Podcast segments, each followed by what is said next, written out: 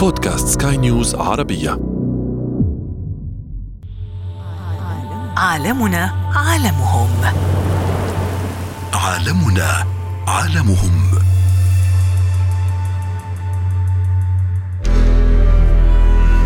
العلماء قالوا إن الهند كانت بتصدر قبل 85 3000 طن من أرجل الضفادع لفرنسا والدول الاتحاد الأوروبي.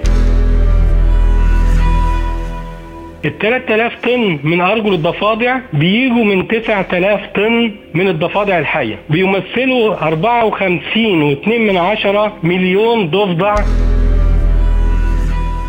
هذا العدد من الضفادع كان بيستهلك سنويا 200 ألف طن من الحشرات والقواقع ومسببات الأمراض. الزيادة المفرطة في تصدير الضفادع أدى إلى نقص الأعداد وبالتالي انتشار اليرقات والآفات الزراعية. بعد كده تدمر محاصيل الأرز والقمح بدأوا يستوردوا كميات من المبيدات الحشرية بأضعاف الثمن اللي كانوا بيبيعوا بيه الضفادع.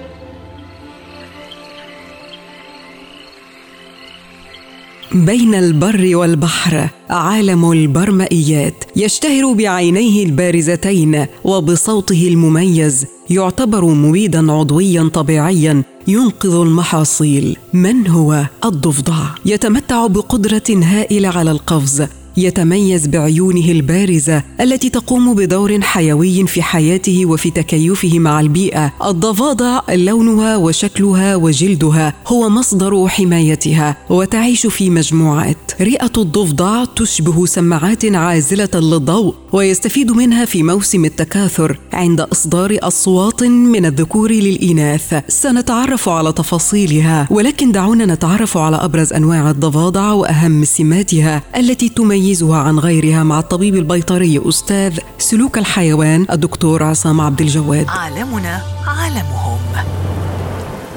الضفادع عبارة عن حيوان فقاري من البر مائيات بيتبع مجموعة من الحيوانات بسماها مجموعة البطروات أو عديمات الديل. تتميز الضفادع بأجسامها القصيرة اللينة وبثقان الخلفية الطويلة اللي بتمكنها من القفز أو التسلق. آه الجسم بتاع اللي هي البر مائيات أو الضفادع جسم لين. برضو اللي هو فيه غدد موجودة بتتأثر بالرطوبة. الجلد بتاع الضفادع شديد النفاذية. آه دي اللي هي التغيرات البيئيه بتتنفس الضفادع. ممكن يمر الأكسجين من خلال الجلد بتاعها إلى الممرات وبتحمله إلى اللي هي الدورات الدموية الخاصة بيها. عشان كده بيتأثر اللي هي الضفادع بالتغيرات الجوية وبالجفاف والرطوبة ونسب اللي هي الأمطار الموجودة الضفادع من اسمها في اللغة اللاتينية للامفيبيان الأمفيبيان معناها الحيوان اللي ليه حياتين لأن طبيعة اللي هي الحياة في الضفادع بتؤدي نص عمرها في المية اللي هي على المية والنص الثاني في اللي هو على اليابسة. الفترة الحياة بتاع الضفادع نصها في المية يعني طبعا دورة الحياة بيحصل فيه تزاوج والاخصاب بيبقى خارج اللي هي الأنثى.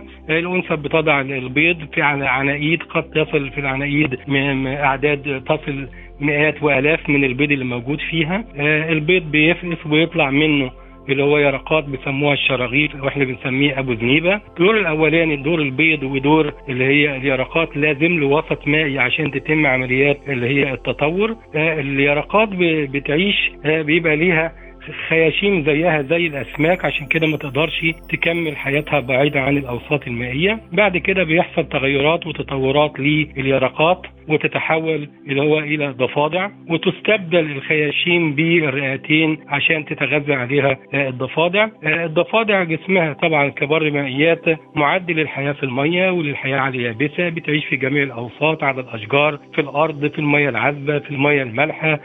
حاسة السمع عندها برضه كويسة. العينين بارزة وجاحظة عشان تمكنها من الرؤية. اللسان طويل عشان ولازج عشان بتستطيع من خلاله ان هي تصطاد فرائسها من الحشرات المختلفة. اللي هو عندها قدرات حسية الأسنان بتاعت الهيكل التشريحي بتاعها ليها فتحة مجمع وليه بعض بعض الأسنان اللي هو بعض الضفادع فيه أسنان في الفك العلوي. الأسنان ما لهاش وظيفة للمضغ لكن بتساعدها في الإمساك بالفرائض بتاعتها من أكتر البرمائيات انتشارا على وجه الأرض بتمثل 88% من تعداد البرمائيات الموجودة الأخرى بيبلغ تعداد الضفادع في العالم ما يقرب من 7400 نوع. آه، بتقع اللي هو الأعداد الكبيرة دي اللي هو في ثلاث عائلات كبار في أكتر من 33 عيلة. بتأثر على جميع اللي هي الضفادع بتأثر على جميع النظم الإيكولوجية. يحدث في حياته عملية تحول تبدأ من البيضة لليرقة لضفدع بالغ. يتخفى من أعدائه وسط الأشجار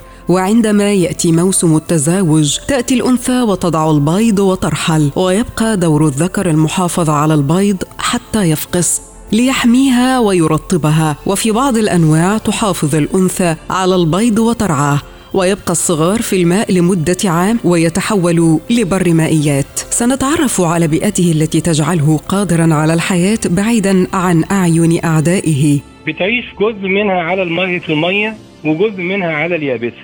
تكيفها بالنسبة للسلوك في المية إن هو الجلدها الناعم الأملس آه بين الأصابع في غرشية بتساعدها على السباحة. اليرقات في السن المبكرة بتتنفس بالخياشيم قبل اكتمال الرئة عشان تعيش في الوسط المائي. تزاوج الضفادع ما بيتمش إلا في المية. لا بيتم طبعا هو في مواسم التناسل بيبقى في أصوات مناقيق للضفادع بتتجمع الذكور والإناث. آه الذكر لما الأنثى بتستجيب للدعوة بتاعته باصدار بعض الأصوات. بيلتصق بجسم الأنثى بتغوص الأنثى بتاع ضفدعها في قاع ال- البركة وبتضع عناقيد البيض في استراتيجيات كتير لوضع البيض. في بعض الإناث من اللي هي آه، الإناث يعني معظم الضفادع بتغوص في قاع البركة أو المحيطة بتضع عناقيد البيض اللي فيها مئات وآلاف من البيض عشان هي عرضة للافتراس بشكل كبير. بعض أنواع من اللي هي الضفادع بتقوم الأنثى بحماية البيض. ضفادع الأشجار الموجود في أستراليا وبعض اللي هي البلاد المختلفة بتضع البيض على اوراق الشجر آه، بتضعه في قاع هي برضه على أرض الغابة وبتقوم هي بحراسته. بعض أنواع من اللي هو الضفادع بتحط البيض في أكياس على الجناب بتاعتها بعضها بتحمل الصغار على فجوات موجودة على ظهر الضفدعة من أعلى. وكان في مثال للضفادع اللي هي قالوا إنها انقرضت كانت بتحمل الصغار داخل المعدة وتوقف العصير المعدي عشان ما يهدمش الصغار بتاعتها. لكن هي بتقل وجودها في الأماكن القطبية. بتدخل الضفادع في نوع من الثبات أو البيات الشتوي بتعتمد في الوقت ده على وجود أكياس دهنية بتخزنها في وقت وفرة الغذاء بتبقى موجودة داخل جسم الضفدعه من الداخل. لما بتدخل في فترة البيات الشتوي بتقل النبض وبتتغذى على الأجسام الدهنية إلى أن يحين الوقت المناسب اللي بيبقى في الخريف بتبدأ طبعا وساعات بيبقى مرتبط في بعض الأماكن بهطول الأمطار وفي بعض اللي هي ثقافات كتير معروف إن الضفادع بتتنبأ بسقوط الأمطار ومرتبطة بيها. في بعض اللي هي ال- البلاد بتعيش في اللي هي المناطق الاستوائية حيث وفرة الميه والبرك والمستنقعات والبعوض الموجود بتعيش برضه في بعض المناطق شبه الباردة. السنوات الأخيرة بقى في نزوح قرب بعض المناطق اللي هي القطبية وبعض اللي هو الضفادع اللي هو بقت تبقى مت- متواجدة وتدفن نفسها في اللي هي التربة وبعضها برضه بتدخل في ثبات شتوي وتتجمد اجزاء من جسمها. آه يعني مع التغيرات البيئية آه، في هجرة، في آه، تغيير المسار، كل في المحاصيل الزراعية، في الآفات، آه، في الجداول بتاع النوادي الجولف والأراضي اللي هي المستنقعات، نقيق الضفادع بيعتبروه علماء علماء البيئة معيار جيد لصلاح البيئة وان البيئة يعني مناسبة. آه، قلة النقيق وانخفاض أعداد الضفادع مؤشر خطير بالنسبة لعلماء البيولوجي. نوع فريد. تخيل معنا جسدا زجاجيا شفاف. وهذا نوع آخر من الضفادع. كائن عجيب ذو خصائص لا مثيل لها في الطبيعة. لونه أخضر شفاف يجعله قادرا على التواري بين الأشجار ومن عجائب جسده أن ترى كل أعضائه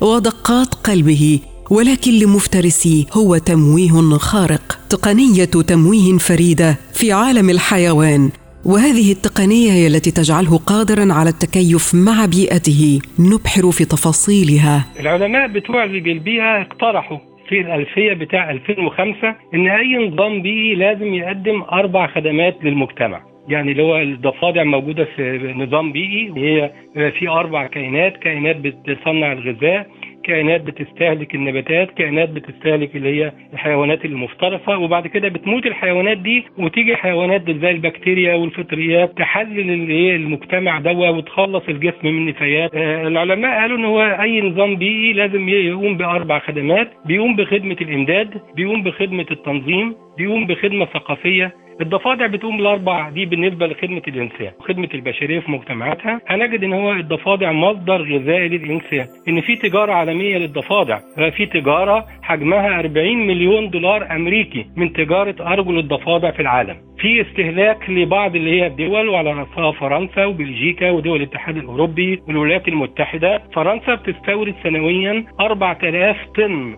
إندونيسيا أكبر بلد مصدرة للضفادع على مستوى العالم هي والصين بعد ما كانت الهند وبنجلاديش على قائمة الدول المصدرة. آه، حصل كوارث بيئية في الهند وبنجلاديش بعد سنة 85 كان الاستخدام المفرط في تصدير الضفادع تأثيرها على النظم البيولوجية في الهند زادت الآفات الزراعية. في حزب يعني العلماء قالوا إن الهند كانت بتصدر قبل 85 3000 طن من أرجل الضفادع لفرنسا والدول الاتحاد الأوروبي. ال 3000 طن من أرجل الضفادع بيجوا من 9000 طن من الضفادع الحية. بيمثلوا 54.2 من عشرة مليون ضفدع. هذا العدد من الضفادع كان بيستهلك سنويا 200 ألف طن من الحشرات واليرقات والقواقع ومسببات الأمراض. الزيادة المفردة في تصدير الضفادع أدى إلى نقص الأعداد وخصوصا الضفادع البرية وبالتالي انتشار اليرقات والآفات الزراعية. آه، بعد كده تدمر محاصيل الأرز والقمح في الموجودة في الهند. بدأوا يستوردوا كميات من المبيدات الحشرية بأضعاف الثمن اللي كانوا بيبيعوا بيه الضفادع. يعتبر نوع من اللي هي البيولوجي بيولوجي. وبالتالي خسرت الهند بدأت تعمل حظر سنة 87 آه، وقفت الهند اللي هو حظر التصدير اللي هو الضفادع. بدأت اللي هو بنجلاديش تحاول تعوض النقص اللي عملته الهند. سنة 89 حصلت لها نفس الكارثة وتوقفت عن التصدير. وبعد كده قامت أندونيسيا تظهر على الساحة. بيستهلك البشر سنويا من الضفادع 3.2 مليار ضفدع سنوي. ومن الضفدع تم اكتشاف مواد مضادة للميكروبات تحديدا من جلد ضفدع الأشجار الأسترالي الأبيض وتستخدم في علاج الكثير من الأمراض. وتم استخلاص مادة من جلد الضفدع الإكوادوري السام ثلاثي الألوان. تعمل كمسكن للآلام. كل هذه الاكتشافات تفتح آفاقا علمية في مجال الطب وصناعة الأدوية. يعرفنا الضيف على الدور الحيوي الذي يقوم به الضفدع في البيئة وللإنسان. المخاطر اللي بتأثر على الضفادع المواضع اللي بتشمل هو تدمير البيئات بتاعتها وتجزئها التلوث سواء تلوث هوائي أو تلوث مائي من استخدام المبيدات والآفات والضدات اللي هي الحشرية والأسمدة والمواد مخرجات المصانع وغيرها. الأنواع الدخيلة اللي بدأت تدخل في البيئات بتاعتها وتأثر عليها. الأمراض بدأ يظهر أمراض زي مرض ال chytrid مرض فطري فيروسات الرانا اللي هو ممكن اللي هو الفطر ده يقضي على إعداد مهولة من موت جماعي في البرك بتاع ومزارع الضفادع التاثر اللي هو الظروف المناخية تغير اللي هو التلوث الهوائي واللي هو ثقب الأوزون اللي حصل نتيجة لزيادة ثاني أكسيد الكربون أدى إلى نفاذ بعض اللي هو آه، جزء طيفي من أشعة الفوق البنفسجية اللي بيدمر اليرقات وبيأثر عليها آه، بنسب كبيرة ممكن يؤدي إلى تدمير 40 ل 60% من تدمير البيض واليرقات آه، بتاعتها. عالمنا عالمهم. عالمنا عالمهم.